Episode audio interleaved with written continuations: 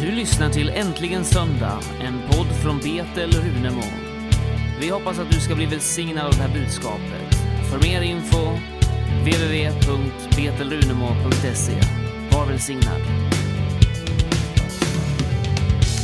Ja, när David bad mig här att eh, dela ett ord så, så, så är det ett ord som jag har bearbetat lite under veckan.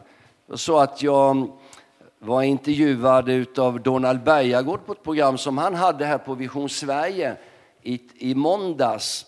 Och då ville han att vi skulle samtala om Matteus 25. Så jag har mediterat och fördjupat mig lite över Matteus 25. Vi kan väl läsa det då tillsammans. Den här liknelsen om de tio jungfrurna. Då skall himmelriket liknas vid tio jungfru som tog sina lampor och gick ut för att möta brudgummen. Fem av dem var oförståndiga och fem var förståndiga. De oförståndiga tog sina lampor men tog ingen olja med sig. De förståndiga tog olja i kärlen tillsammans med sina lampor. Då nu brudgummen dröjde blev de alla sömniga och somnade. Vid midnatt hördes ett rop. Se, brudgummen kommer. Gå ut och möt honom. Då vaknade alla jungfrurna och gjorde i ordning sina lampor. De oförståndiga sa då till de förståndiga, ge oss av er olja. Våra lampor slockna. Men de förståndiga svarade, den räcker kanske inte både för oss och för er. Gå istället till dem som säljer och köp olja.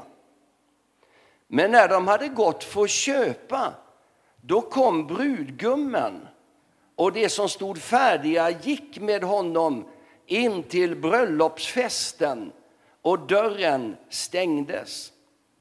Sedan kom de andra jungfrurna tillbaka och sade Herre, Herre, öppna för oss.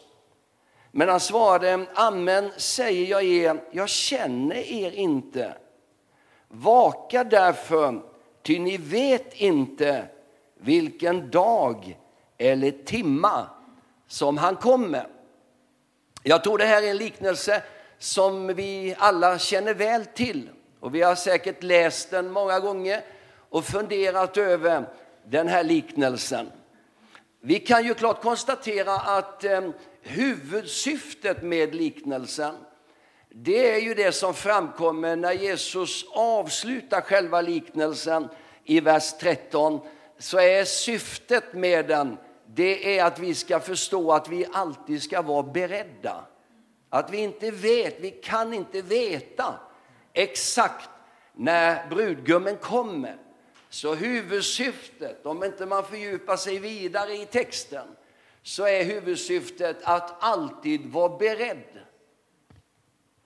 Men sen har ju frågan ställts, vem, vem är vilka är jungfrurna? Och, och bruden, hon nämns inte. Men vid en bröllopsfest så finns ju bruden med. Vem är då i så fall bruden? Och, och vilka är jungfrurna? Eh, och, och Jesus börjar med att säga, då ska himmelriket liknas vid tio jungfrur. Eh, när Jesus använder detta är ett uttryck som används väldigt ofta i alla Jesu liknelser.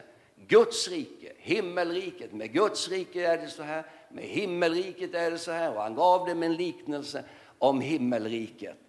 Så när han använder det uttrycket så är det inte specifikt Israel han talar om. Utan det är egentligen församlingen. Eh, när han talar om Israel så gör han det på ett annat sätt.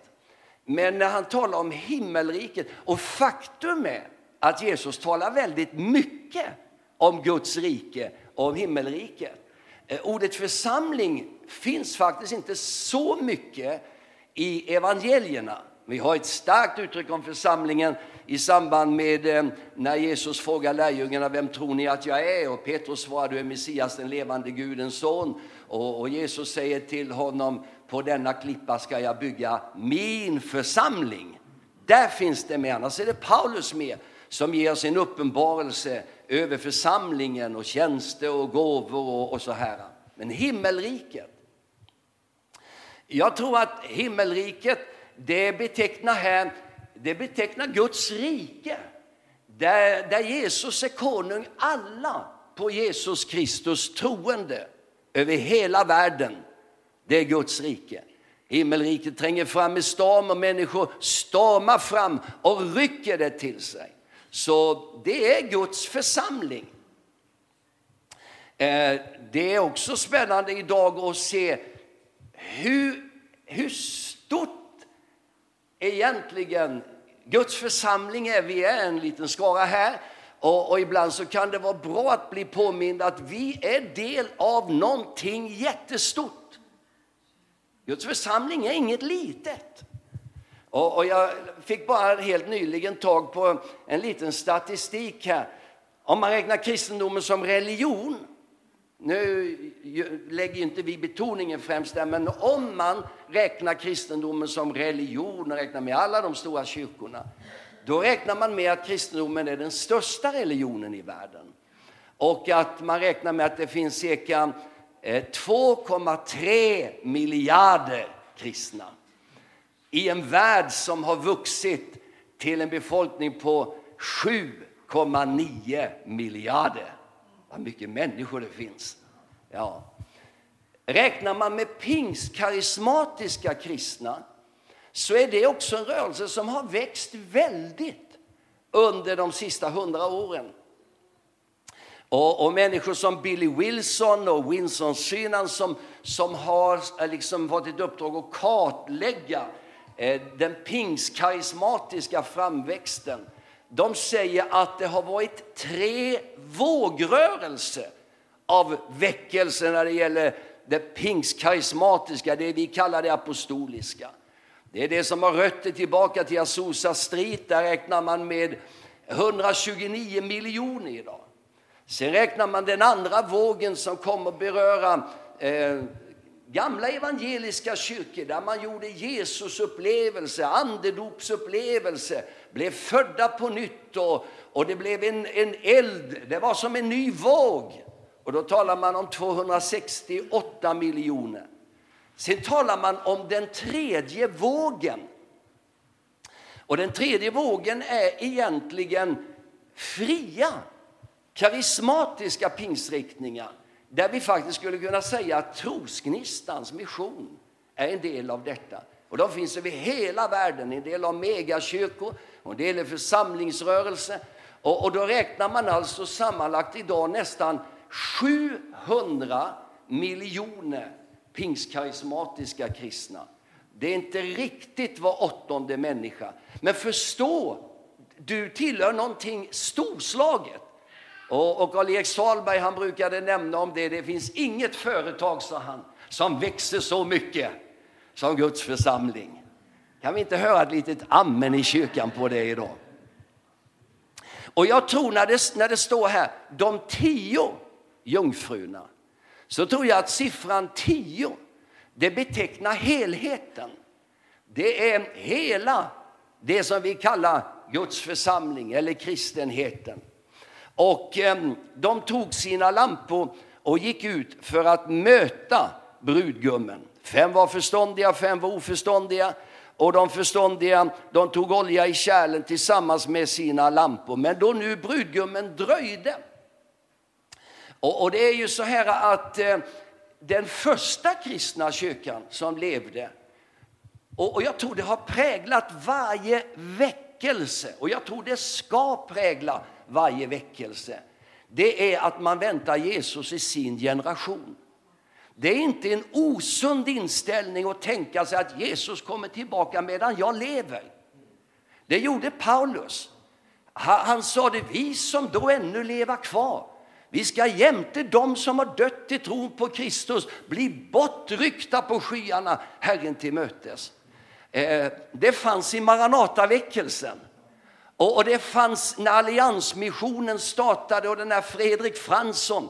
Det berättas att han gick till fönstret innan han skulle lägga sig och glänta på persiennerna och titta upp mot himlen och så säger han Jesus kommer du i natt? Då vet du att jag är redo. Det, det har präglat varje väckelse. Och, och sen så kan vi förstå ändå, idag kan vi förstå att det var saker som skulle hända. Och Israel skulle förskingras över världen och sen återvända till sitt gamla hemland.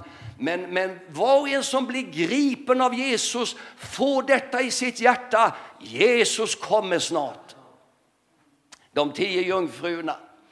Eh, sen kan det vara lite intressant här och veta lite den judiska bakgrunden till texten. För att, jag menar, vi har ju våra bröllopsfester och vi vet ju hur, hur, hur det börjar med ehm, eh, ett par förlovar sig och, och, sedan bestämmer de en dag när de, när de ska ha vigsel och kanske här i kyrkan och, och så är det en bröllopsfest. En judisk bröllopsfest, åtminstone förr i tiden, det var lite intressant när jag del, delade de här tankarna på vår cellgrupp i tisdags, då sa Darius, ja men precis så är det i Iran idag också. Åtminstone många som är lite fira på det gamla sättet. Eh, I den judiska kontexten var det så här att brudgummen, han gick till brudens hem och, eh, och hämtade bruden. Men, eh, men då, då, då hade han ett litet följe med sig. Och så äger vigseln rum i brudens hem. Så det behöver inte vara i en synagoga, en kyrka, utan det är en rabbin eh, som, som, som övervakar och, och leder texter och löftena och detta. Och då sker vigseln i brudens hem. Sen tar brudgummen bruden med sig. Och då kan det vara ett stort följe. Och så följer de till brudgummens hem. Och där hålls bröllopsfesten. Och bröllopsfesten den kan vara upp till en vecka, upp till sju dagar. Och det här är ju en oerhört intressant tanke. Därför att lite utav det, nu är ju det en liknelse, det är ett bildspråk. Vi är ju samtidigt som, som vi tänker oss att församlingen är Kristi brud, så tänker vi oss att församlingen är Kristi kropp. Vi tänker oss att vi är grenar på hans vinträd, så det är ju liknelse, det är bilder. Men utifrån denna liknelse är det ju en väldigt stark tanke detta att Jesus kommer få hämta sin brud. Det är ju utifrån den, det var så det var i den judiska tanken. Han kommer få hämta sin brud och, och då förenas vi med honom i detta. Vi ska aldrig skiljas mer. Och det dödliga blir iklätt det odödliga. Och, och vi blir förenade för att aldrig skiljas igen så tar han oss ifrån brudens hem till de himmelska salarna. Och där är det bröllopsfest.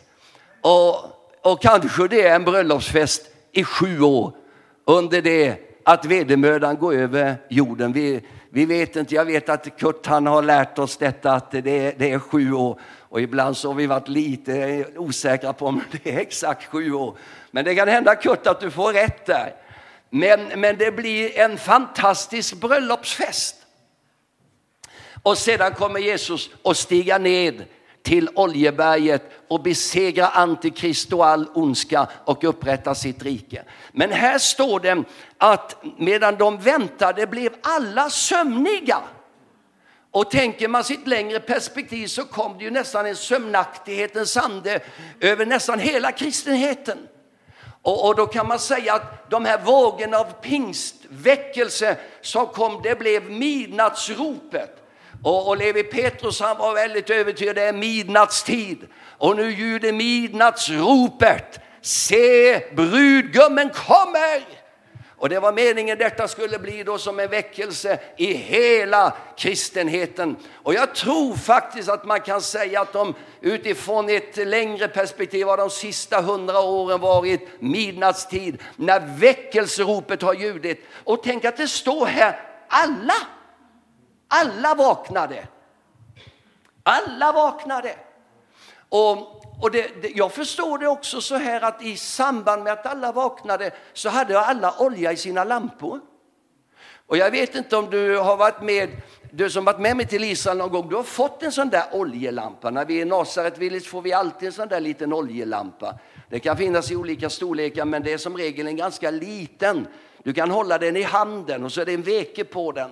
Och den brinner så länge det finns olja i lampan. Men det är inte så länge, det är inget stort förråd. Man måste ha ett kärl med sig. Och det är det de upptäcker, detta blir ju chocken. För 50 procent, för hälften, säger våra lampor slockna. Vilken oerhörd tragedi. Att vakna till och lampan brinner för en stund och så säger man våra lampor slockna. Kan vi inte få låna utav er? Och den här texten visar det man, kan, man måste ha ett eget liv i Gud. Man kan inte leva på andras gudsrelation. Man kan inte leva på att pastorn har stark smörjelse. Man kan inte leva på att det, det finns några som har stark smörjelse. Alla, alla måste ha en egen personlig gudsrelation. Detta är det starka budskapet i den här texten. Och, och, det är därför vi behöver få ett förnyat möte med Gud. För ibland slöar vi till lite grann. Är det någon som aldrig har slöat till? Det var inte en enda hand i luften. Nej, men, men, men det är lätt gjort att vi kan slöa till lite ibland. Och, och då är det bra att komma till kyrkan och känna det. Nu, nu, nu vaknar jag till lite på nytt igen. Halleluja! Men, eh, men alla somnade, men så vaknade alla och, och så var det fem som var redo för att möta brudgummen. Ja, jag, jag tycker det är en oerhört, oerhört stark text detta här. Eh, Matteus 25, att vara redo. Och det är kontentan utav detta. Det är vaka därför Ty ni vet inte vilken dag eller timma han kommer. Men budskapet är klart och löftet är solklart. Han ska komma tillbaka. Jesus kommer snart. Må vi vara redo och må vi ha olja, inte bara i lamporna men också i kärlen. Tack ska ni ha. Gud välsigna er.